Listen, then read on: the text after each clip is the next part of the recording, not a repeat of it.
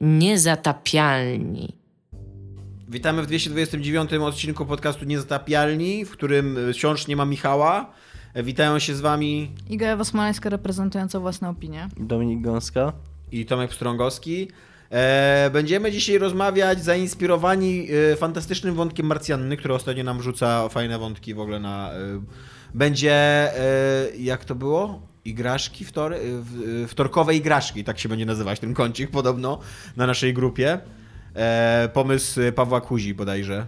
Albo Jakuba Ciemnego. Kurde, nie wiem, spieprzyłem, mogłem nie, mogłem nie mówić, czyj to pomysł był. Ale w ogóle chciałbym docenić e, igraszki jako e, pomysł na kącik growy. Wszystko się zgadza, e, gra zasady sztuki zostały zachowane. E, tak, i będziemy rozmawiać o e, postaciach męskich w grach wideo.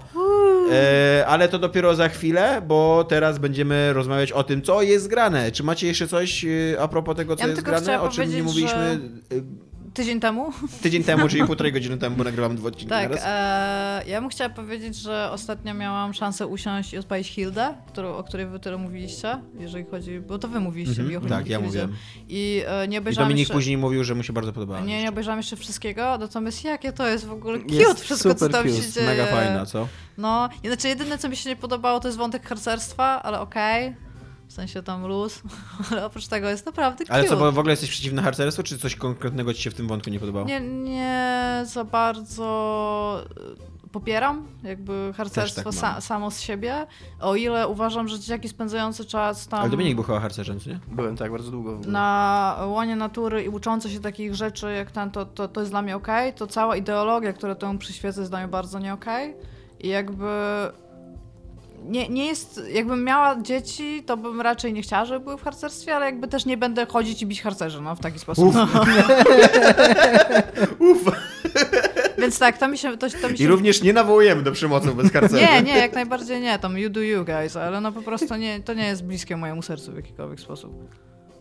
No, nie, nie wiem, czy to jest popularna opinia, no po prostu... Ja się z tobą zgadzam, ale nie, nie z powodów jakichś ideologicznych, tylko nie po, znaczy ja i przypominając sobie swoje dzieciństwo i swoje dorastanie, byłem bardzo dużym przeciwnikiem takich sformalizowanych struktur, Tak, to jest inna w ogóle też sprawa, no. e, w których obowiązuje ścisła hierarchia i po prostu tak jakby Ale wiecie, odczuwam że- niechęć trochę. Ale wobec- wiecie, że tak naprawdę to tak nie jest. To jest po prostu grupa ludzi, którzy robią fajne rzeczy razem, poznajesz po prostu...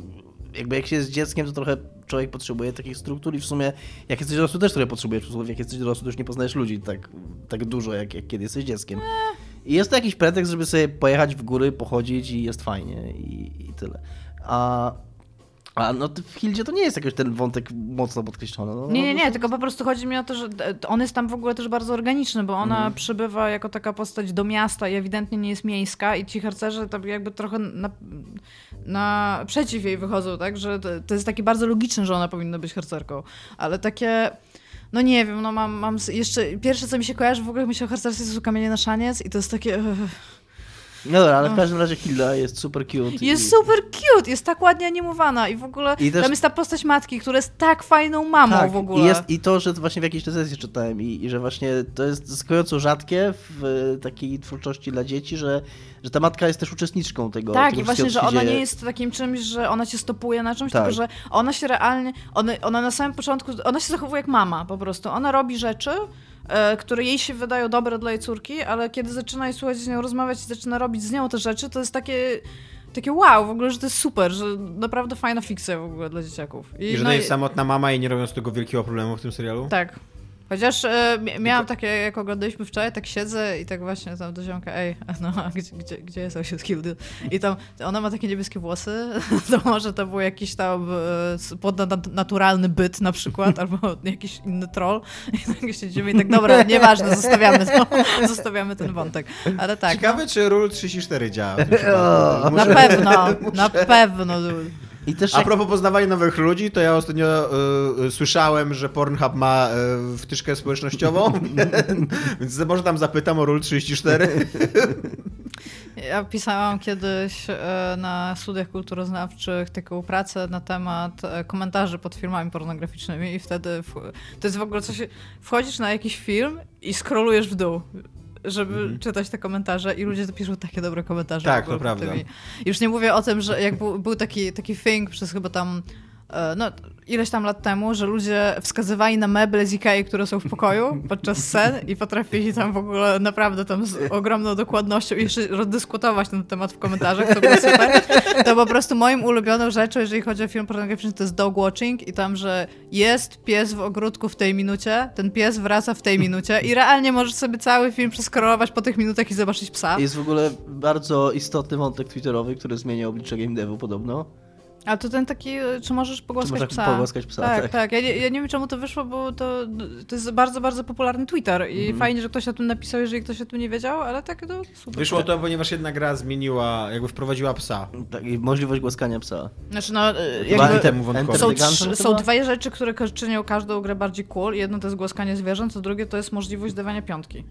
I to jest kropka. To jest, te, te dwie funkcje powinny być w każdej grze. Jest bardzo fajnie, bardzo fajnie jak ten, jak na Giant Bombie nagrywali, nagrywali Sekiro i tam właśnie walczył z tymi wilkami i ktoś tam pyta Jeffa, czy, tam, czy może pogłaskać psa. I, o, może pogłaskać. To nie jest głaskanie, nie?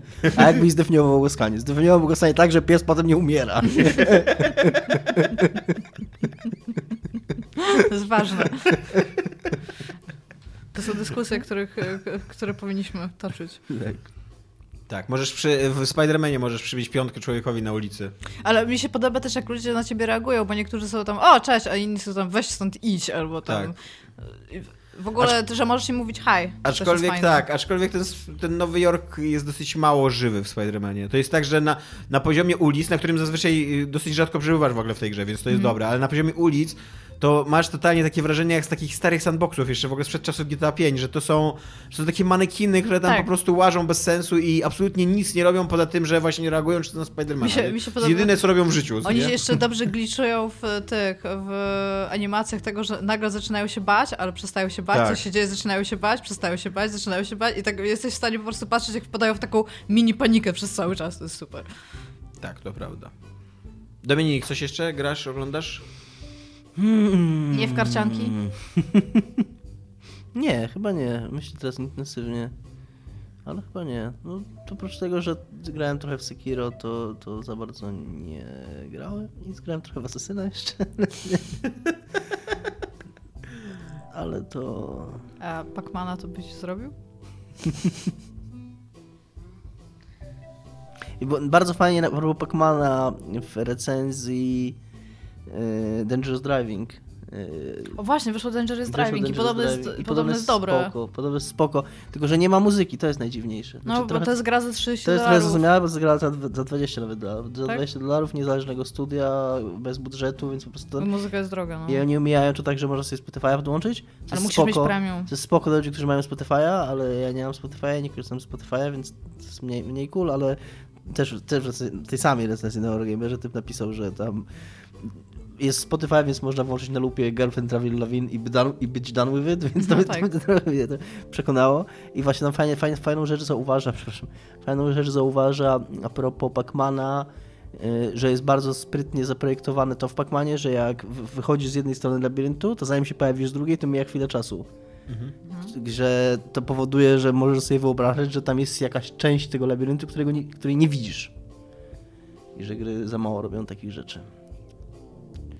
I, po, I porównywał to do tego, co też jest fajne, fajne spostrzeżenie, do tego, do takich chwili, bo faktycznie w burnoutach, szczególnie chyba od trójki, było bardzo istotne to rozwalanie innych kierowców podczas jazdy, z którymi się ścigałeś, że tam było coś takiego, że jechałeś, powiedzmy, uderzałeś bokiem w samochód innego, innego kierowcy, żeby, żeby go zepchnąć i wtedy zawsze mijało takie 2-3 sekundy, kiedy nie widziałeś tego, co się dzieje, po czym miałeś taką kamerę, która pokazywała, że on akurat coś uderza albo że rozwalasz. Właśnie te, te, te, ta, ta pauza, w trakcie której coś się dzieje, ale o tym, o, ty o tym nie wiesz, co się dzieje, jest, jest fajna.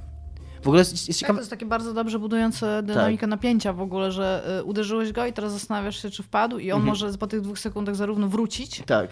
Jak i zginąć. Jeżeli zginął, to dostajesz automatycznie taki boost, że, Tak, że jesteś super, a jeżeli Dokładnie. wraca, to jesteś jak, a ty typie tam. Dokładnie. No, to jest bardzo, bardzo dobry. I przy okazji, te, te, również te recenzje, recenzja w ogóle Dangerous Driving Watch jest, przeczytałem bardzo ciekawą rzecz, bo on nawiązuje do czegoś, co jest w Cywilizacji 5. Ja nie grałem w Cywilizację 5, ale to brzmiało super awesome, że w Cywilizacji 5 e, jak dochodzisz tam do dalszych etapów rozwoju w Cywilizacji, to odnajdujesz pozostałości po swoich jakichś tam podbojach czy bitwach e, z początkowych okresów gry jako te e, wykop- wykopaliska archeologiczne. To, to jest Spoko, tak, spoko, no, fajny pomysł. taki I, że, i tam, jak, jak gadałem o tym z, z ludźmi w pracy, którzy grali, to właśnie mówili mi, że tak, że coś takiego, że na przykład możesz mieć, może być wykopalisko związane z twoją cywilizacją, która teraz jest na terytorium innej cywilizacji, wtedy negocjujesz z nimi, żeby jakoś to, to pójść na te, na te wykopaliska, żeby coś tam znaleźć i tak dalej. No. Cool, cool. Ja e, czytam teraz książkę.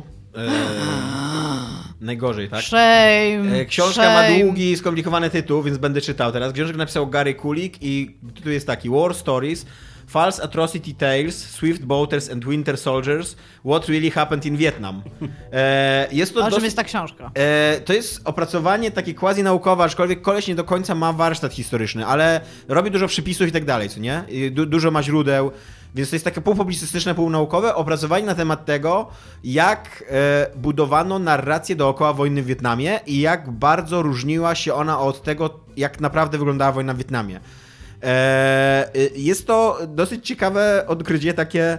e, e, Jakby główna myśl tej książki polega na tym, że wojna w Wietnamie nie była inna niż wszystkie inne wojny, jakie znamy. Że była oczywiście straszna, że była brutalna i tak dalej, ale że istnieje w naszym popkulturowym, takim naszym wyciągniętym z popkultury przekonaniu jakiś, jak, jaka, jakaś tak, jakiś taki myt, że ta wojna była zupełnie inna, że tam się działy same straszne rzeczy, że ona była właśnie takim, takim kurde filmem, jak w latach 70. robiło Hollywood, nie? Właśnie, że była czasem apokalipsy, była Plutonem, e, była kurde łowcą jeleni i tak dalej, i tak dalej, nie? A że, a że koleś pisze, że to, że to jest normalna, znaczy, że była normalna wojna, że bardzo wielu, zdecydowana większość, do 90% wręcz, weteranów wojny z Wietna, w Wietnamie nie żałowało, że poszło na tą wojnę i czuło, że dobrze wypełniało swoje obowiązki i że jakby zachowywali się jako, jako dobrzy patrioci, więc cała ta taka narracja, że oni zostali rozjechani przez tą wojnę, że w ogóle czuli się zdradzeni przez swój kraj i tak dalej, jest fałszywa.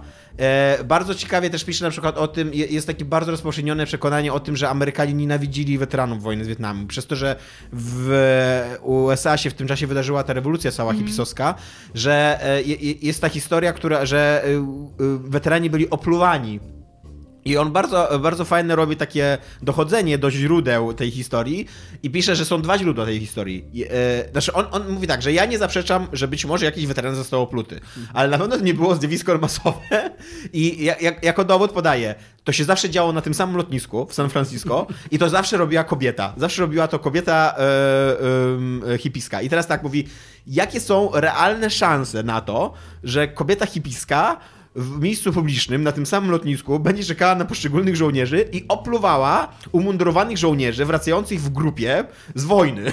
Jakby, jak odważna musi być ta hipiska jednocześnie. Nie?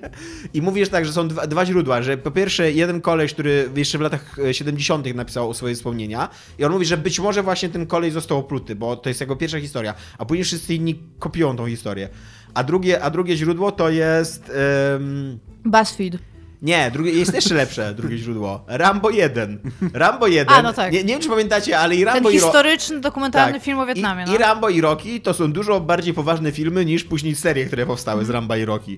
E, I Rambo 1 to jest autentycznie dosyć dramatyczny film o weteranie z Wietnamu, który wraca do Ameryki, nie może się tu odnaleźć i jest y, prześladowany przez takiego szeryfa, więc postanawia wrócić do lasu. Jakby jedyne, co potrafi robić, to być w lesie i zabijać ludzi i on wraca do tego lasu, policja go poszukuje, więc on tam zostawia pułapki i tak dalej, i tak dalej. I na końcu przelatuje jego pułkownik i namawia go, żeby się poddał w końcu, że wojna już jest skończona, że czas się poddać, czas wrócić do życia. I Rambo wygłasza taki dramatyczny monolog, że, że wysłaliście nas na wojnę, a później jak wróciliśmy z niej, to nas nie szanowaliście. I właśnie w tym monologu pada, że nas opluwaliście. I podobno po, po premierze Rambo 1 nagle wszyscy sobie przypomnieli, że zostali opluci podczas swojego powrotu z Wietnamu, nie? Jest to takie bardzo interesujące e, stadium tego, jak bardzo e, po pierwsze, jak bardzo nasze, nasze wyobrażenie na temat czegoś jest kształtowane przez y, przekazy, a po drugie, jak bardzo te przekazy są kształtowane przez oczekiwania publiczności, jakie Tak. ona ma. Bo on, on pisze, że, że ludzie się spodziewali takich historii. Właśnie, że, że, y, że ludzie się spodziewali historii o dżungli, że spodziewali się historii o, o, Wietna- o narkotykach i że spodziewali się historii o rock'n'rollu. I że to wszystko jest w tych historiach jakby trochę dlatego, że, znaczy on ma taką tezę, bo to jest też ciężkie do udowodnienia. On ma taką tezę, że to wszystko się znajduje w tych historiach, dlatego że autorzy czuli, że dzięki temu te historie będą lepsze. I tak, jest to takie dosyć. On, on, on też na przykład bardzo podaje bardzo drobiazgowe wyliczenie na temat tego, jak duży stop, jak, jak duży procent weteranów e, z Wietnamu e, cierpiało na PTSD, co nie? I on mówi, że jakby nie zaprzecza, że PTSD e, to jest realny problem e, ludzi, którzy brali udział w działaniach wojennych. Ale po pierwsze, w Wietnamie bardzo mały odsetek żołnierzy, tam poniżej 20% e, brało udział w realnych działaniach wojennych, a po drugie, z tych 20% tam to jest około 8%. Więc to wychodzi jakieś e, 2-3% Wszystkich wszystkich, wszystkich ludzi, którzy brali, wszystkich Amerykanów, którzy brali udział w wojnie w Wietnamie, co nie? A jak się obejrzy filmy, jak się posłucha jakby takiej popkulturowej narracji o Wietnamie, to to była trauma dla wszystkich, dla, dla literalnie każdego jednego człowieka, co nie? Jeszcze ich rodzin i w ogóle Tak. cały, cały Stany Zjednoczone. Tak, to prawda. Więc y, tak, jest to ciekawa książka. Ale wiesz, co, nawet te- teraz tak jak mówisz a propos narracji tego, co się dzieje, nie? To jest wojna w Wietnamie, w Stanach i w Europie, gdzie wojna w Wietnamie jakby działa się zawsze. W sensie to jest kraj Mhm. w wiecznej wojnie. Do tego, to, to była ich ostatnia wojna. W sensie w tamtym momencie to była ich Tak. ostatnia wojna. I to jest wojna amerykańska u nich.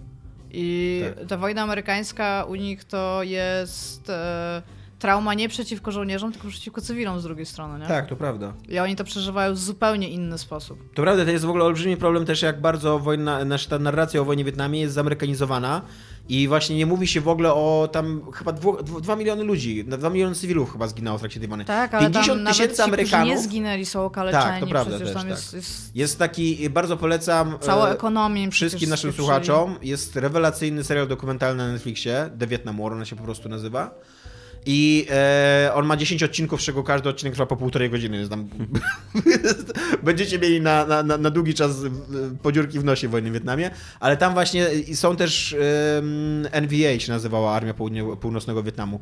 E, e, są rozmowy z ich weteranami i tam się pytają kolesia, co było dla niego najtrudniejsze e, po wojnie. A on, e, to, że wszyscy moi przyjaciele zginęli. Jakby e, Armia Północnego Wietnamu ponosiła takie straty, że literalnie on stracił wszystkich bliskich, nie? Więc tak, jest to, Śmieszne, no. jest to trochę przerażające. Znaczy takie, to był taki nerwowy śmiech, no. Sorry. Jest E. e, w Wietnamie, w Ho Chi Minh, czyli w byłym Saigonie, Tak. Jest Muzeum Wojny właśnie amerykańskiej. To jest wojny w Wietnamie, no nie, wojny amerykańskiej. I tam są statystyki. To, to, jest, to jest w ogóle bardzo rewelacyjne zrobione muzeum z punktu widzenia muzealniczego, że tam poszło dużo pieniędzy, jest bardzo dużo teren tego i naprawdę fajnie się to ogląda, w sensie bardzo dobrze jest ta ekspozycja zrobiona, się człowiek nie idzie i nie dostaje tak w ryj takimi wielkimi blokami tekstu, tylko jest bardzo dużo właśnie artefaktów. I te statystyki, które tam są, to jest jakaś po prostu masakra. Y, Jest w ogóle też cała sala poświęcona temu Agent Orange. I te wszystkie statystyki medyczne, które z tego powstają, statystyki, które się wiążą z ochroną środowiska, bo przecież oni zniszczyli gigantyczne połacie po prostu lasów, i to w jaki sposób, jeżeli się prześledzi tą historię gospodarki w ogóle Wietnamu i przez to, że oni cały czas byli w wojnie, której oni nie prowadzili tak naprawdę, bo tam Amerykanie tam chyba weszli po cynk, tak? Tam jakieś ceny cynku w ogóle weszły? Znaczy wzrosły po tym, że jak tam była wojna ta francuska, to zaraz potem się tam... W, no w każdym Nie razie... znam, nie znam wątku cynkowego, wiem, że znam powody polityczne dlaczego tam. Tak, i teraz na przykład Wietnam ma taki problem, znaczy problem, no cały czas jakby jest cały czas w tym dołku gospodarczym i z tego powodu na przykład teraz Rosjanie wykupują gigantyczne ilości e, gruntów, e, robią tam no tak naprawdę w cudzysłowie małą Rosję w Wietnamie i to też nie jest tak, że ci tubylcy cokolwiek ugrywają wciąż. A przyszło mi w ogóle do głowy, żeby po- opowiedzieć o tej, o tej książce, bo jeszcze obejrzałem... E... Wietnam Watch teraz. Nie, nie, obejrzałem, e, obejrzałem Detektywa 3 w końcu, Dominik, e, którego Dominik tak zachwalał. Na początku nie byłem tak wciągnięty, tam przez pierwsze 3-4 odcinki, ale jak ta drama się robi taka coraz bardziej osobista, bo w- tam ten serial się zmienia z opowieści o śledztwie w opowieść o Tak. rekonstrukcji przeszłości. Tak. E, No to tak, to już w tym momencie mnie, mnie, mnie, mnie wciągnęło to bardzo, ale to też e, główny bohater tam jest weteranem z Wietnamu i to jest w ogóle czwarto czy piątoplanowy wątek, że on, że on wraca z tego Wietnamu. Ale Kodę w, ostatnim, w ostatniej scenie, literalnie ostatniej scenie serialu, masz taką, że on wraca do dżungli. Jakby, że to, to zamyka całe jego doświadczenie, wszystko jakby o nim, co nie? Że, że on cały czas jest w tej dżungli jakby, co nie? I tak sobie pomyślałem właśnie, że ja pierdzielę, co nie? że tam, przecież tam 50 lat minęło, nie? A nadal, a nadal amerykańska narracja jest właśnie na tym poziomie, nie? Ale tam nie to, że krytykuję serial, serial mi się podobał, co nie? I to e, swoją drogą to pasowało do tej postaci, do, jakby to dobrze ją opisuje, tylko to źle opisuje wojnę w Wietnamie. No. To tyle, co jest u mnie grane. Coś jeszcze mamy? Do co jest grane? Czy zaczynamy temat? Chyba zaczynamy temat. Chyba zaczynamy temat. Dobra. Chyba to, zaczynamy temat. E, rozmawiać będziemy o e, wizerunkach mężczyzn w... W wojnie Wietnamie. Tak, w wojnie Wietnamie. W grach, Charlie wideo, Sheen, Pluton, go! w grach wideo, nie wiem czy wiesz swoją drogą, ale Oliver Stone, który nakręcił Pluton jest weteranem wojny Wietnamie i to odznaczanym takim. To- Więc, Okej. tak, więc e, to też, jest, to też jest dosyć śmieszne, że e, jakby tą narrację o Wietnamie robili ludzie, którzy naprawdę byli w Wietnamie. No, no dobra. E, uderzyło mnie to w tym wątku Marcjanny, która zaproponowała, żebyśmy, e, żeby faceci spróbowali znaleźć faceta, z którym by chcieli doświadczyć końca świata. Jakby, gdybyście mieli doświadczyć końca świata z jedną osobą i to miała być osoba tej samej płci, e, to, kto, to kto to miałby być? I ja sobie pomyślałem, że jakby, że nie ma w grach faceta, z którym ja bym chciał mieć, który, który ja bym na przykład chciał, żeby był moim kumplem. I tak sobie pomyślałem, jako, że być może to jest trochę nie wiem, nieszkodliwe, nie chcę powiedzieć, że to jest szkodliwe, ale być może to jest trochę takie nieuczciwe, co powiem, ale wydaje mi się, że faceci są nawet bardziej stereotypizowani w grach wideo niż kobiety. Bo Mamy duży problem w, same, w całej kulturze na temat tresury. I tu jest, jest Mhm. taki e, Libera chyba w latach 90. w- podczas tego takiego boomu sztuki krytycznej e, zrobił film jak tresować chłopców, jak tresować dziewczynki. Na przykład, że chłopiec chce się bawić lalką, nie może. Chłopiec chce szminkę, nie może. Chłopiec chce cokolwiek, co może być w jakikolwiek sposób dziecięce, nie może, bo o mój Boże, zniszczymy mu życie, jeżeli damy mu się pobawić lalką tam z siostrą, nie? Dziewczyny mają, jeżeli o to chodzi, e, w społeczeństwie zachodnim, tutaj w cudzysłowie trochę lepiej, bo chłopaków się wychowuje, żeby byli tacy jak ich ojcowie, a dziewczyny się wychowuje, żeby były, to jest takie badanie tam statystyczne sprzed iluś lat, żeby byli lepsi niż ich ojcowie. I to jest jakiś taki klub, który istnieje w naszej kulturze. Czas. Chłopców, żeby byli jak ojcowie, a dziewczynki, żeby... Żeby byli lepsi, żeby były były lepsze. lepsze, aha, że no jeżeli e, tam, nie wiem, ojciec... niż ich matki chyba, niż ich ojcowie. Nie, właśnie niż ojcowie. To jest wszystko po- porównywane, bo z założenia takiego, że matka może wychowywać dzieci, a ojciec będzie pracował, to ta dziewczynka nie będzie wychowywana do tego, żeby wychowywać dzieci tak jak matka w cudzysłowie, tylko żeby, jeżeli ojciec jest inżynierem to i jest tam przykład w firmie, to ona ma mieć firmę taką jak ten ojciec jakby. Na tej zasadzie. Jest, jest takie ambicjonalne Znaczy, podejście do wychowania Wiesz, y, wiesz, jaką ja mam refleksję, że jakby z tego stereotypizowania kobiet przynajmniej sobie zdajemy sprawę, jakby. To przynajmniej Tak, jest no temat. nie, nie, nie, jest to, znaczy, nie jest to przezroczyste. No właśnie, a, a, a z tego, że w grach każdy jeden bohater to jest twardy facet, który w ogóle zagryza zęby, żre gruz i połyka łzy, no z tego w ogóle sobie nie zdajemy sprawy. Ja, ja, Jest, y, jest taki bardzo fajny e, taki mem, gdzie jest pokazane, że jest lalka Barbie i że tam to jest lalka Barbie, krytyzowa- krytycyzowana za i jest tam ileś tam, Krytykowana. tak. krytykowana tam, jest tam ileś tam punktów, że tam jakaś tam talia, jakieś tam długie nogi, coś tam i pod spodem jest e, tam figurka i to jest He-Man. Tak. Jest He-Man, który ma 30 razy więcej mięśni niż w ogóle istnieje mięśni w ciele najprawdopodobniej. No ja e, znowu odwołam się do tego detektywa, e, który jest e, bardzo serialem o twardych facetach, którzy mówią takimi bardzo niskimi głosami. A czy mają zarost? Czy mają zarost trzydniowy? Nie, nie mają zarostu, ale są zmęczeni, twardzi i tak dalej. Piją whisky. I to jest w ogóle karykaturalne, jakim oni mówią niskimi głosami, bo nawet jak samochód jedzie i tam silnik wieje, to nie, nie będę podnosił głosu. Niech twoja męskość mnie usłyszy po prostu. I nawet jak opowiadają sobie dowcipy, to tak mówią, no, wchodzi facet do windy, patrzy, a tam schody.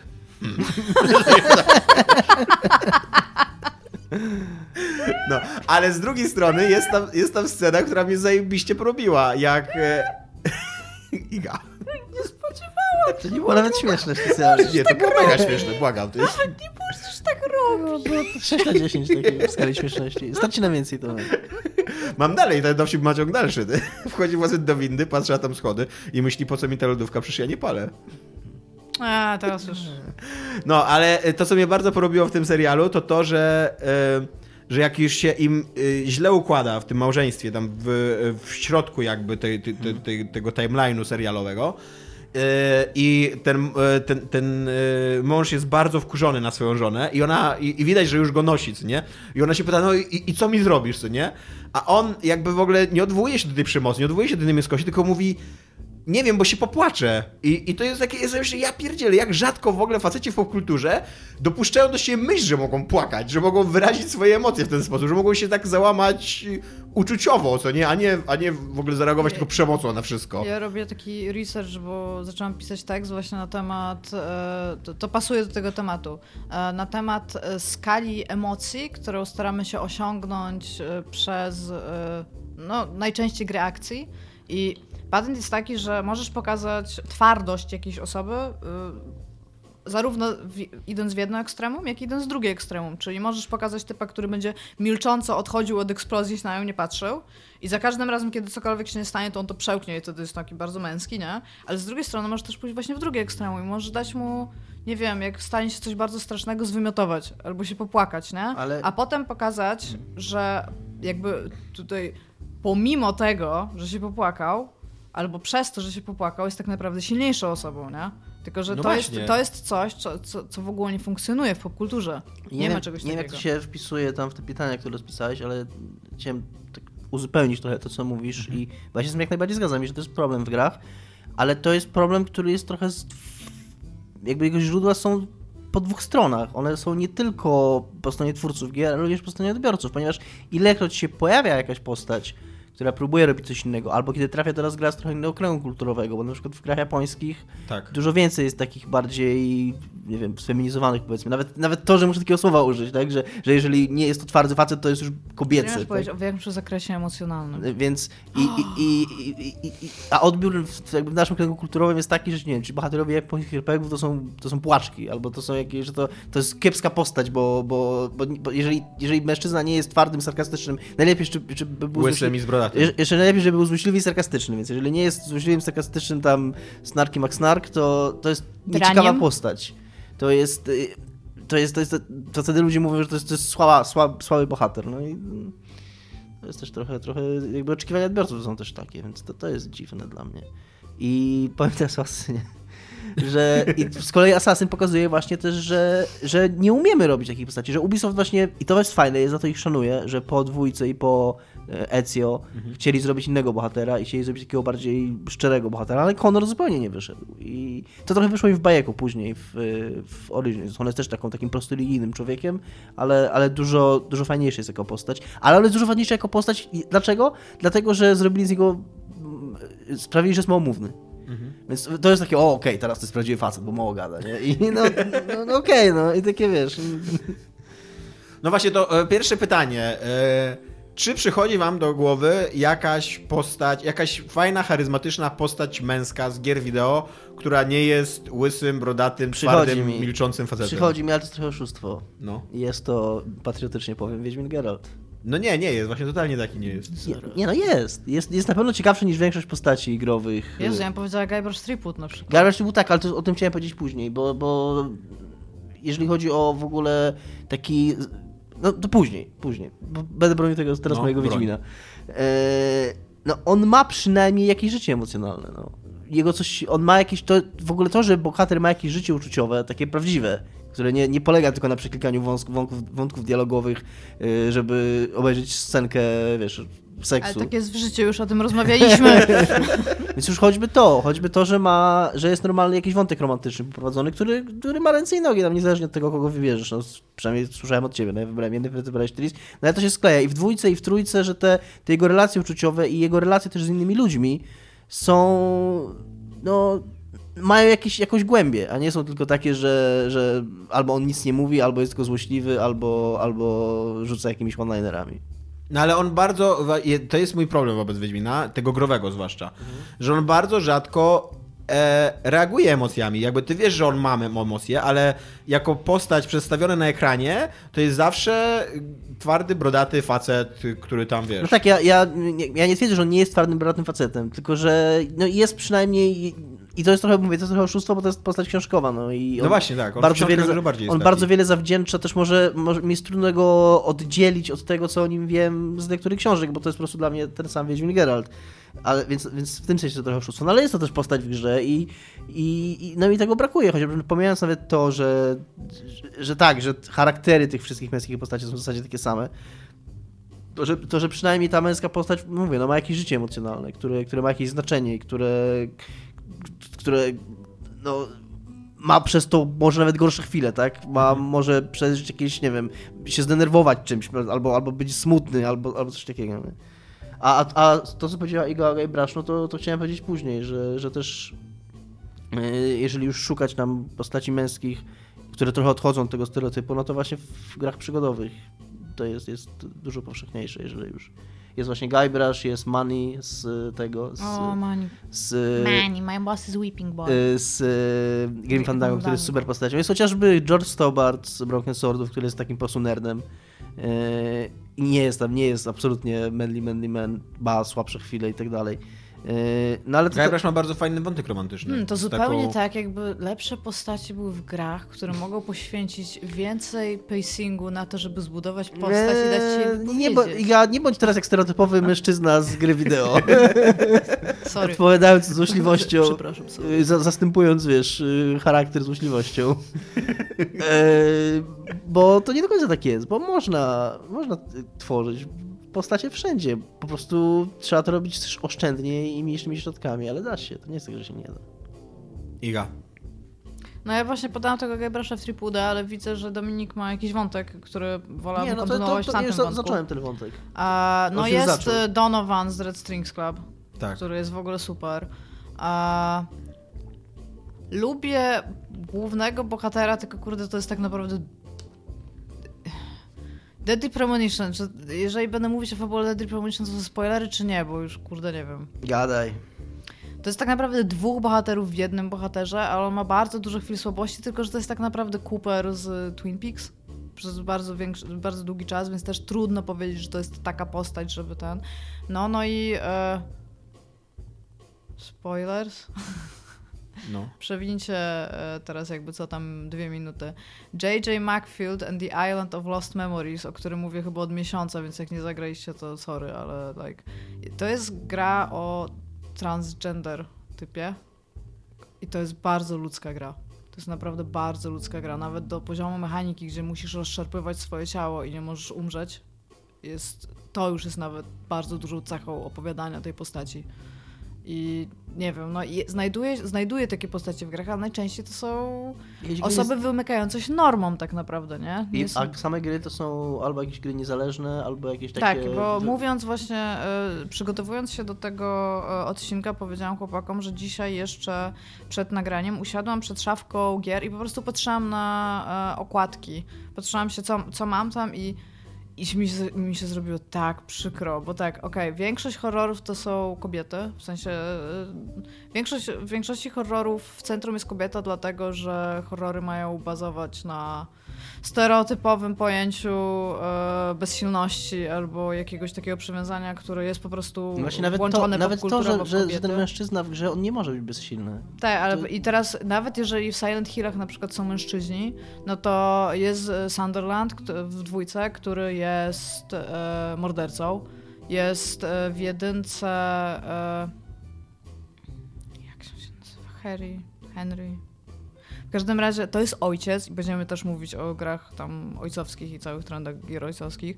E, Jest e, Murphy Pendleton, który w pierwszej scenie, kurde, Silent Hilla 8 sztyletuje pedofila nożem pod prysznicem w więzieniu, więc e, yeah, też jest ojcem, swoją drogą, że był.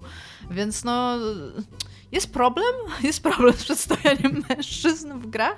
Jeżeli bym miała, bo ja się tak zastanawiałam, mi, mi pewnie jest tam trochę trudniej, ale ja się zastanawiałam nad takim role model w grach dla, dla dzieciaka na przykład, nie? No to e, są teraz, jest, jest coraz więcej silnych kobiet w grach, nie?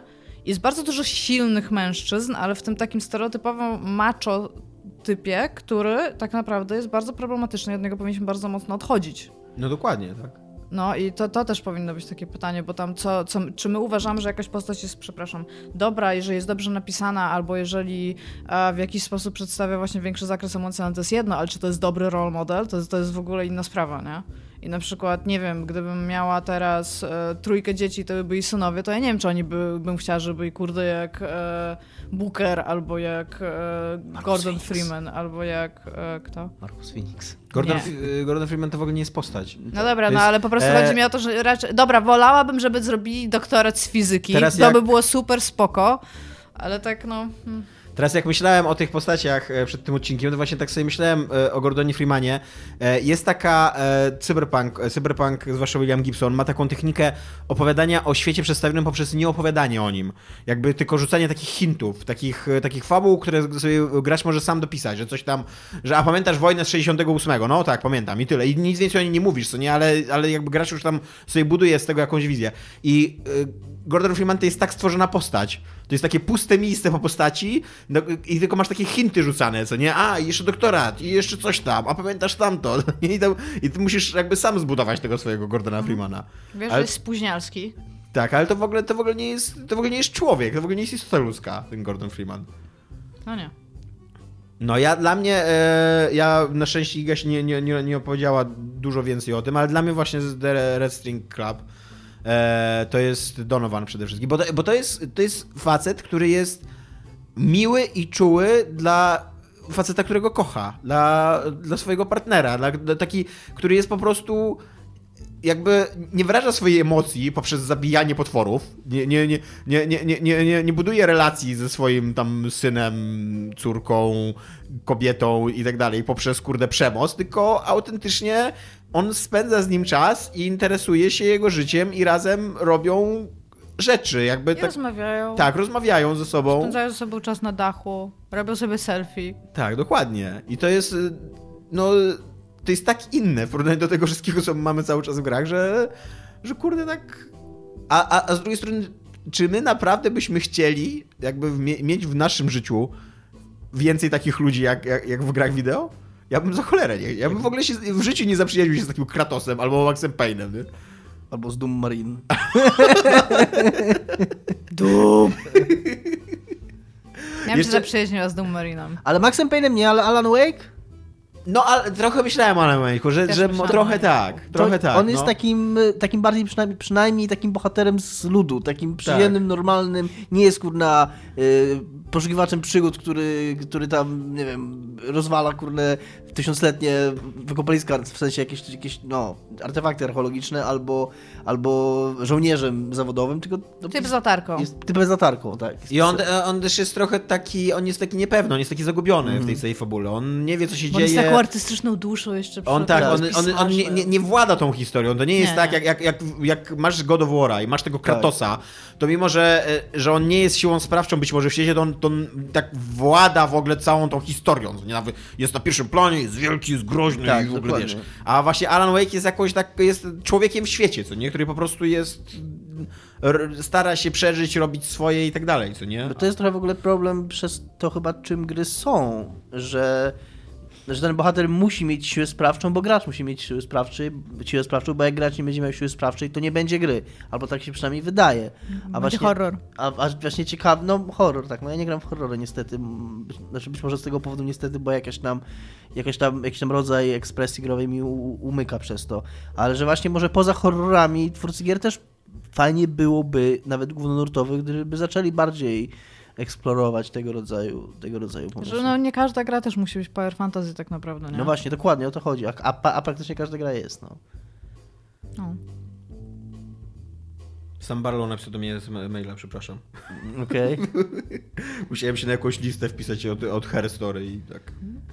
Ale jest centralnie napisane e, Sam Barlow. Hello from Her Story. Dobra. E, Napisz mu ale- don't ever write to this email again. Please do not respond. a siedzę na swoim mailu tylko dlatego, że chciałem następne pytanko. E, do, na to już odpowiedzieliśmy, dlaczego w grach jest tak mało facetów, dlaczego nawet w grach indie jest tak mało facetów, to Znaczy mało facetów. trochę Na to. Znaczy no takich, wiecie o co mi chodzi, takich zniuantowa- zniuansowanych. E, e, ja, a jakich postaci męskich nam tak naprawdę brakuje? No Jak, właśnie dla czego mnie byście chcieli? Bardzo żeby... mi brakuje role models, bardzo, ale to Ale to trochę też się spodziewasz takiej propagandy, tak? Takiej... Nie, no w sensie naprawdę fajnie byłoby móc na przykład. e, No ja teraz, e, teraz nie pracuję z dzieciakami, ale pracowałam z dzieciakami i graliśmy tam. e, Ja prowadziłam obozy graczy i obozy komputerowe, więc trochę graliśmy, bo mieliśmy po prostu całą salę, którą połączyłam w LAN. Ale no to na przykład graliśmy w StarCrafta, no to tam już nie mówię o tym, że będziesz miał role models tam w, w StarCrafcie, no ale tam nie wiem, może, może kto, któryś z nich pograł w jakąś fabułę oprócz tego. No ale tak jak się zastanawiasz, no to co, masz jakieś tam fighting games, masz coś takiego, no i się pytasz dzieciaków, jakich, jakie tam lubią tam grę, nie? No to one nie lubią postaci w grach, to jest w ogóle, co, oni albo lubią strzelać, albo lubią budować, albo lubią, nie wiem, Fortnite'a teraz powiem, wszyscy lubią. A nie byłoby, kurde, najgorzej zrobić e, jakąś grę nawet dla nastolatków, gdzie masz pokazane, że kurde, no może jesteś w stanie być bardziej spoko człowiekiem? W sensie ty jako gracz, tak, że dostajesz nie dość, że jakąś historię i ta historia nawet nie musi być skomplikowana, tylko masz reakcję ludzką człowieka na tą historię i na przykład jesteś w stanie, nie wiem, o tym potem porozmawiać ze znajomymi, o tej reakcji, a nie o tym, czy zrobiłeś tą misję w taki, a nie w taki sposób. No To nie jest najgorszy w ogóle pomysł, żeby coś takiego zrobić, nie? No tak. Mam gorsze pomysły. Na przykład, jak e, tak się teraz zastanawiam, że na przykład Kid z Bastiona, to, to jest mało wyraźna postać, ale to jest postać, która ba podejmuje bardzo ważny wybór na końcu, tak? I to jest, to, jest, to jest coś, o czym można porozmawiać. Tak? No i okej, teraz pomyślmy, że mamy. To, to, to nie jest nie wiadomo jak skomplikowana historia. Teraz mamy taki rodzaj historii, tylko postać jest fajnie jeszcze stworzona. No. Nie mówię, że Kid był źle stworzony, bo, tylko był akurat tak stworzony konsekwentnie, że mało robił, znaczy mało mówił, dużo robił, bo to był też po prostu taki typ. Ale no, może dałoby się to zrobić inaczej, może dałoby się stworzyć człowieka, który jest rozrywany pomiędzy czymś a czymś i wybiera coś, y, żeby, nie wiem, zrobić coś nawet wbrew sobie, ale za, dla kogoś na przykład, żeby pokazać to rozerwanie, albo niech nawet wybierze coś egoistycznie i niech to będzie anty-role model, tak? Ale zróbmy to tak, żeby dało się wyciągnąć z tego jakieś wnioski i żeby ta postać była trój, trójwymiarowa i ludzka. Powiedzieć I coś takiego trochę paradoksalnego. Wydaje mi się, że e, Rockstar trochę w tym kierunku szedł, produkując? Maxa Payne'a 3. A. Tylko, że e, to jest nadal Max Payne i to jest odbierane, to jest gra, która jest odbierana bardzo naskórkowo i to bardzo mało osób, wydaje mi się, to dostrzegło. Zwłaszcza takich typowych graczy, którzy po prostu grali, strzelali i tak dalej.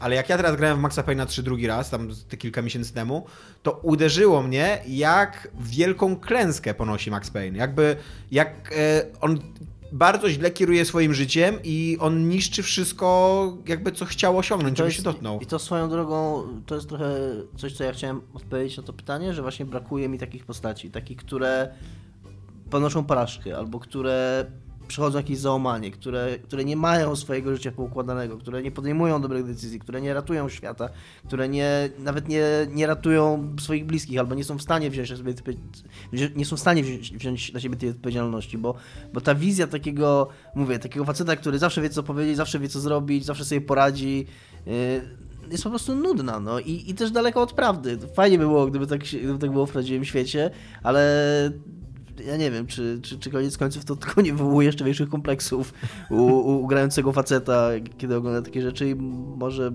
No tak, tylko, tylko właśnie mówię, z drugiej strony Max Payne 3 był taką, przez stylistykę jaką przybiera i przez w ogóle taki ton opowiadań historii, jest, jest, y, on jednak e, trochę gloryfikuje tą postać. Pomimo, że opowiada właśnie, pomimo, że mówi, tam jak, jak się skupisz na fabule, to się okazuje, że przez pijaństwo Maxa Payne'a w ogóle to wszystko się dzieje, co nie? On, on jakby y, jest najgorszym detektywem świata, bo jest cały czas zapieczony. On już dawno powinien wiedzieć, o co chodzi w tym spisku, tylko nie wie, bo jest cały czas nab- nabombiony, co nie? E, ale jakby przez, przez sam kontekst, w jakim jest opowiadany ten, ta historia Maxa Payne'a, ty nadal, nadal Max Payne jest dla ciebie pociągający, co nie? To mnie, to mnie trochę boli w Maxie Payne 3. bang. No niestety, tak. Tak, bo no i, i i to jest kolejny, kolejna rzecz do, do, do tego, co powiedziałem, że właśnie gry się strasznie boją dać nam bohatera, który, którego nie będziemy lubić. Albo, który, albo w ogóle, no, może nie w sensie tam lubić, czy tam darzyć sympatią, ale taki, który, którego nie będzie, którym my, my byśmy nie chcieli być. Jakby jest takie, jest takie Z którego wyborami byśmy się nie tak, identyfikowali my, tak, jest, jest takie, jest takie, to jest takie, nie wiem, przekonanie, że że jak gram w grę, to ja muszę chcieć być tym człowiekiem, który, który w tej grze jest, bo inaczej się nie będę z nim identyfikował. A, a no, moim zdaniem to jest nieprawda i, i, i może, może wręcz właśnie bym się bardziej identyfikował z jakąś postacią, która, która by popełniała błędy albo która, która by robiła nawet rzeczy, których ja bym nie robił, a, a, a na przykład bym kiedyś przyszły mi do głowy, albo się boję, żebym takie rzeczy zrobił na przykład i mógłbym, mógłbym zagrać grę, wiesz, grając człowieka, który, który podejmuje złe decyzje i w, który, który, w którego życiu się, dzieje się coś złego, bo nawet jeżeli sam tego nie zrobiłem, to przeczuwam, na przykład boję się, żeby mógł i, i bym się identyfikował w tym, w tym sensie. E, mi najbardziej brakuje w grach wideo e, przede wszystkim opowieści o przyjaźni, ale o takiej, o takiej prawdziwej przyjaźni. Ja ostatnio czytam sobie... E, Jak w Top Gunie? Słucham? Jak w, takiej, chcesz takiej body cup trochę... Właśnie też nie tak stereotypowej, co nie? Jak, jak, jak w, body, e, w body Movies. E, ale tak, ale, ale w Top Gunie przynajmniej tam jest ta postać Antoniego Edwardsa. E, przynajmniej on jest sympatycznym, fajnym kolegą. Takim takim człowiekiem, z którym myślisz, że chciałbyś pójść na piwo, że rozumiesz, mm. dlaczego Tom Cruise go lubi. Nie, mimo, że jest taki ładny, piękny i tak dalej, to, to jednak ma obok siebie tego ładnego Edwardsa i razem spędzają czas i jest im miło i się lubią i, i jak mu się coś dzieje, to ty czujesz ciężar tego, że coś mu się dzieje, nie? Ja o, ostatnio czytam znowu komiks o y, Johnny Konstantinie i czytam e, e, jednocześnie run Garta Enisa i Briana Azarello. I właśnie, a Brian Azarello ma totalnie taką, taką taki pomysł na tą postać, jak mają gry wideo. Że to jest twardy, cyniczny mag. To jest, no przepraszam, że to jest twardy, cyniczny mag, który w ogóle nie, nie, nie boi się krzywdzić ludzi i w ogóle nadużywać swojej władzy i, i, i tak dalej, co nie, i on tam, wiesz, on jest taki ho, ho, ho, ho co nie? A Garth Ennis go tam w latach, na początku lat 90 stworzył takiego kolesia, który ma mnóstwo przyjaciół i jest bardzo łatwo go polubić. W ogóle widzisz, jakby dużo jest takich scen, gdzie on po prostu siedzi w barze i gada z kumplami, co nie? Albo gdzie wspominają swoje dzieciństwo, swoją młodość i tak dalej. Ale jednocześnie, poprzez to, że jest to jednak mag, który tam walczy z demonami i tak dalej, to on tych swoich przyjaciół cały czas wrabia w gigantyczne problemy i oni mu powoli umierają. I ty, i ty czujesz ciężar tego, że, że to jest jest... dobry, sympatyczny przyjaciel, który ma bliskich i którym się dzieje krzywda i to jest złe. A tutaj jak się coś dzieje ludziom dookoła tego Jonathan Konstantina Dubka, masz to w dupie, no bo, hmm. bo jak postrzegasz świat jego oczami, no to co to dla niego za strata? To jest coś, co robi i co bardzo dobrze moim zdaniem robi Red Dead Redemption 2 że ty masz tam tych, ten swój gang, tych swoich, tych swoich znajomych i przez to, że ty wracasz cały czas tej grze do tego swojego obozu, ten obóz się zmienia w toku gry, ale oni tam są i oni robią rzeczy, oni, zależnie od tego, yy, jakiej porze dnia ty wrócisz, ty możesz, nie wiem, oni mogą siedzieć przy ognisku, grać na gitarze i tam ty, ty do nich przysiadasz, oni do ciebie zagadują i jest dużo takich dynamicznych interakcji, które się tam dzieją i to jest naprawdę dobrze zrobione, naprawdę dobrze przemyślane, że autentycznie ty wracając do tego obozu i tam natykając się na nich, rozmawiając z nimi, oni, oni cię zagadują, wtedy możesz tam im odpowiedzieć i autentycznie buduje się więź z nimi, ty czujesz, że, czujesz, że to są ludzie, którzy się lubią, że oni komentują to, co się wydarzyło, że oni tam cię zapytają o coś, że oni tam mają jakiś problem, to podejdą do ciebie spytać się o radę, albo jak jakaś człowieka się kłóci, ty do nich podejdziesz, takie, to, to wszystko jest takie bardzo żywe i przez, to, i przez to właśnie, co się później dzieje w fabule i co się dzieje z tym, z tym całym gangiem, bo tam, no nie trudno się domyślić, co się z nim dzieje, tak, że to wszystko się rozpada i oni wszyscy tam, e, tak, e, to, to trafia, to uderza. Ale to jest... nas zjadł na tym forum poligami, że spoilujemy. no come on. Y, to, to czuć wagę tego właśnie i czuć, że tam autentycznie byli ludzie, których kojarzyłem, których lubiłem, tak autentycznie lubiłem z tych, z tych rozmów przy ognisku, czy, czy, czy, czy z, z tego, co się, co się dzieje w tym obozie. To jest bardzo fajnie tej grze zrobione. I mm, właśnie to, to mi się bardzo skojarzyło z tym, co ty opowiadałeś o, o tym komiksie. I, I, no, akurat sobie nie mówić Rockstarze, to, to jeżeli chodzi o, o, o, gierki, no to no, oni są tam absolutnie pierwszą ligą, jeżeli chodzi o takie pisarstwo. Chociaż. No, to ma... prawda, ale w GTA mają dokładnie właśnie takie stereotypy zamiast bohaterów. Nie mają trzy, trzy stereotypy takie wcielone. Tak, no może nie tyle o jakość samych postaci, ale przynajmniej już, że, już nawet to, że, że właśnie myślą o tym, żeby tworzyć jakieś relacje między tymi mhm. postaciami, mhm. które wykraczają tylko ponad to, co się robi w misjach i, i, i, coś, i te gadki, które się dzieją w trakcie, w trakcie akcji, tylko że faktycznie jak, jakieś tam jest budowana, budowana no, jakieś, jakieś emocjonalne, emocjonalne więzi między nimi, no to to już jest tam i tak wykracza ponad w większości gier dzieje. Dobra. Iga już zapowiedziała, to mamy kolejne pytanie, które jest, co myślimy o tym całym wątku ojcowskim, który się teraz przelewa A. przez gry wideo. On się przelewa, y, może wytłumaczymy skąd on, nasze wytłumaczę skąd on jest na przykład. On się przelewa dlatego, że ludzie, którzy tworzyli gry wideo, dorośli i mają dzieci i tak jak kiedyś byli dwudziestolatkami, którzy fantazjowali na temat właśnie przemocy i e, mordowania i męskich, męskich facetów, tak teraz zajmują się wychowywaniem swoich dzieci i to na nich wpływa. No, wiesz, to trochę jakby mm, gry ewoluowały razem ze swoimi twórcami, co nie? Ale czy ewoluowało w dobrym, w dobrym kierunku? Co o tym myślimy? Ja ostatnio, tylko szybko powiem, bo ja ostatnio w sensie zacząłem mm, trochę monopolizować ten odcinek, ale tylko szybko powiem, że a propos tego, co ty mówiłeś ostatnio o Godoworze i o, o tym Wojtku Ojcowskim, jak, jak on wygląda, że, że my się tak zachwycamy tym, że gry mówią o czymś innym, że już Tak. wystarczy nam, że one mówią o ojcostwie, nieważne co mówią, że, że już nieważne, nie kompletnie nie, nie jest istotne, co oni mówią o tym ojcostwie, ale mówią o ojcostwie, o, to jest ambitne. Iga. Co ja? No, co myślisz o tym całym Jest mi trudno ojcos- się zidentyfikować z ojcem. W sensie z postacią Mhm. kulturową zwaną ojcem, ponieważ nawet nie jestem matką, więc nawet tego nie jestem w stanie rozkminić, ale już w ogóle stopień abstrakcji, który się odbywa w momencie, kiedy masz dzieciaka i jesteś typem. Mhm. Ja, to jest dla mnie w ogóle nie do przeskoczenia. Nie jestem w stanie rozkminić, jakie emocje się z tym wiążą, z tym, w jaki sposób jest to oswajane wewnątrz y, jakby y, mężczyzny i w jaki sposób on się identyfikuje ze swoją nową rolą. Nie wiem. Zupełnie nie, jest- nie zdaję sobie z tego sprawy. Natomiast co, jeżeli mogę powiedzieć na przykład, no jeżeli God of War mówi o ojcostwie, no to jestem bardzo kiepskim ojcem i zupełnie mnie to nie kręci. Jeżeli to jest e, wyraz ojcostwa jeden do jednego, to jestem właściwie na nie. Ale z drugiej strony jakby człowiek jest się w stanie y, opiekować czymkolwiek, co jest animowane. Jest, człowiek jest się w stanie ani- opiekować rumbą i traktować to jako stworzenie domowe, tak? I nie wiem, brzydka cytryna też y, spowoduje w nas jakieś y, e, emocje, jeżeli... No jeżeli jest, masz kosz cytryn i wszystkie są takie same, jedna jest brzydka, no to jest w stanie spowodować emocje, że nikt nie będzie chciał jej kupić albo coś, więc człowiek to weźmie. Mamy taką tendencję jako ludzkość. Jesteśmy w stanie coś takiego robić. Mhm. I no tak, no. A co więcej, Znaczy ja gdybym miał koszt ładnych cytryn i byłaby jedna brzydka, Ale to bym wziął, patrząc- to bym wziął ładną, bo znaczy gdybym był w sklepie i miałbym koszt cytryn. Ja bym tą brzydko po prostu wyrzucił, no. Nie, ale ja mówię takiej sytuacji, że jest chyba, że jest koszt cytryn i Tak. trzeba wybrać jedną, to ja wybieram tą brzydką, bo chcę jej pomóc. Nie, ja bym absolutnie wybrał ładną, bo kupuję cytryny i chcę ładną cytrynę mieć. w każdym razie to ten, to e, jak patrząc w ogóle po wątkach właśnie ojcowskich, to i tam właśnie pierwszy Silent Hill, The Last of Us, God of War, co my tam jeszcze mamy? E, Bioshock Infinite. Bioshock Infinite, to ci ojcowie, w sensie, bo to, te, to, bo to też w- najczęściej to jest nowa rola właśnie ten ojciec. To nie jest tak, że okej, no The Last of Us zaczyna się tak, że jesteś tym ojcem i to, to jest w ogóle, to, tam jest fajnie ten wątek pokazany, ten, ten początek, y, w sensie to w jaki sposób y, on jest ojcem dla niej. To jest to jest naprawdę tam fan, to wygląda, nie? Ale na przykład moim zdaniem w tym momencie najlepszą grą ojcowską, tak seriously, jest Dream Daddy.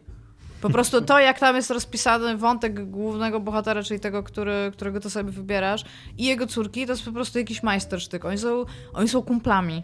On ma córkę, która jest jego kumplem i to jest... y, Oni sobie zdają sprawę z tego, jacy oni A ty są. tam jednego wybierasz, tylko Dadiego? Ja myślałem, że to jest taka gra, że tam Nie, no ty sobie tworzysz Dadiego. Dadich. No ty sobie tworzysz Dadiego, masz, Mhm. dostajesz córkę, która jest już na sztywno napisana, jakby zawsze będzie ta sama córka. A wybierasz sobie, czy y, adoptowaliście ją z kobietą lub z mężczyzną, czy ci się urodziła no, tam w sposób naturalny w związku. Tego twojego partnera lub partnerki już nie ma, jest out of the picture. A, no i potem sobie wybierasz y, innego Dadiego do dejtowania. Masz iluś ich, ale no, ty sobie najpierw tworzysz swojego własnego Dadiego. I ten wątek właśnie, jaki ty masz tam z córką, to to jest fenomenalnie dobrze zrobione. Po prostu super. Oni, to, to, to jest normalna gra o emocjach i ona jest taka trochę śmiesznawa, ale to, co się tam dzieje na przykład, to jest taki moment, że Amanda, ta twoja córka, nie wraca długo i ty siedzisz i napisałeś jej SMS-a, ale się trochę martwisz, bo powinno być tam już jakiś czas temu. Ona ci nie odpowiada, starasz się do niej zadzwonić i możesz usiąść i coś zacząć robić, ale co tylko siadasz i zaczynasz, to zaczynasz chodzić po domu i zastanawiać, czy coś się nie stało. Po czym sobie zdajesz sprawę z tego, że ona już tam ma, że jest nastolatką w sensie i że nic jej się najprawdopodobniej nie stało i że tam zaczynasz... I po prostu siedzisz i ty czujesz fakt, że pomimo tego, że nie masz nastoletniej tam córki, czy nastoletniego syna, czy w ogóle tam dziecka, to ty wiesz, że ten typ się o nią martwi. I wiesz, że się o nią martwi dlatego, że to jest jego córka i dlatego, że są kumplami. I to jest to, jest to czego potrzebujemy. Ja mam e, olbrzymi problem z całym tym trendem gier e, ojcowskich, ponieważ dla mnie to w ogóle nie są gry o ojcostwie. Jakby e, to jest takie pójście po linii najmniejszego oporu, że e, robimy, mamy gry o przemocy, o zabijaniu bogów, o e, fizyce kwantowej, timeline i tak dalej, o epidemii zombie i tak dalej. I to są nadal gry o tym, ale dorzucamy tam wątek ojcowski. Jakby w momencie, ja też nie mam dziecka, też być może mało wiem o ojcostwie, ale dla mnie, jeżeli chcesz opowiedzieć historię o rodzicielstwie, o, o, o byciu ojcu i tak dalej, to opowiedz historię o tym, a, a nie historię o przemocy, o zombie i o fizyce kwantowej, bo, bo, bo to się nie skleja jakby, co nie? Nie można, nie można zrobić moim zdaniem wielowymiarowej porządnej historii o o tak skomplikowanym temacie, tak, no dobrze, widzimy, że chcesz zabrać głos, tak, tak skomplikowanej e, sprawie, jaką jest rodzicielstwo, jednocześnie wypełniając swoją grę przemocą, non-stop, jakby w kółko. To jest podstawowy gameplay w tych grach. Iga. Ja bym chciała jeszcze powiedzieć, bo wszystkie gry o ojcostwie to są gry o niepełnym, niepełnej rodzinie też. To jest w Tak. ogóle jakiś thing. Tak. I Że możesz być ojcem Tak. tylko w momencie, kiedy musisz, kiedy już naprawdę tak, i musisz nim być. Ma, mam też z tym problem, że tam nie ma w ogóle budowania relacji ojciec-matka, albo ojciec i partnerka i dziecko, albo coś takiego. I, to, i tego też zupełnie, totalnie nie rozumiem. Bo z drugiej strony tak samo, najczęściej w horrorach, jak jest tam kobieta, to ona też jest matką, ale nie, gdzie jest ojciec jakby, Mhm. tak? Jakby to, te, ja rozumiem, że już od zarania dziejów, kiedy była e, opowieść o dziecku, które coś robi, to to najczęściej była sierota. Więc wszystkie, tylko sierotom się przytrafiały tam ciekawe rzeczy. I rozumiem to, ale o co z tym chodzi? Czemu, czemu nie możemy mieć w ogóle y, ciekawej historii o rodzinnej, po prostu rodzinnej, z perspektywy ojca, matki lub Ciekawe dziecka? kiedy, ciekawe, kiedy gry odkryją rodzinę w ogóle. Znaczy taką rodzinę, która nie ginie na przykład. Muszę tak ten. Dobra, e, kończymy już. E, jeszcze tylko wątek...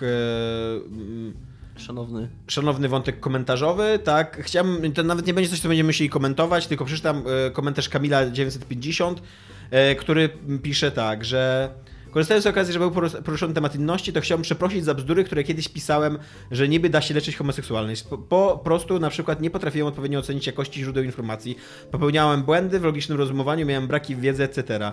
Między innymi przez to myślałem, że w sumie nie wiadomo, czy takie pseudoterapie działają, czy nie, ale może warto poinformować zainteresowanych, że takie leczenie istnieje wraz z yy, i tak dalej. Z tego, co mi wiadomo teraz, to takie pseudoleczenie homoseksualności może być szkodliwe i nie jest to coś, co e, się leczy i po, prostu coś naturalnego, normalnego. I chciałbym docenić ten komentarz, ponieważ to jest bardzo że- rzadkie, że ktoś e, zmienia zdanie i staje się lepszym człowiekiem. I Co dziękujemy Ci. przyznaję się do tego. Przyznaję się do tego. Dziękujemy Ci, Kamilu 950, że jesteś lepszym człowiekiem. Tak. Tak. Cześć. Cześć. Pa.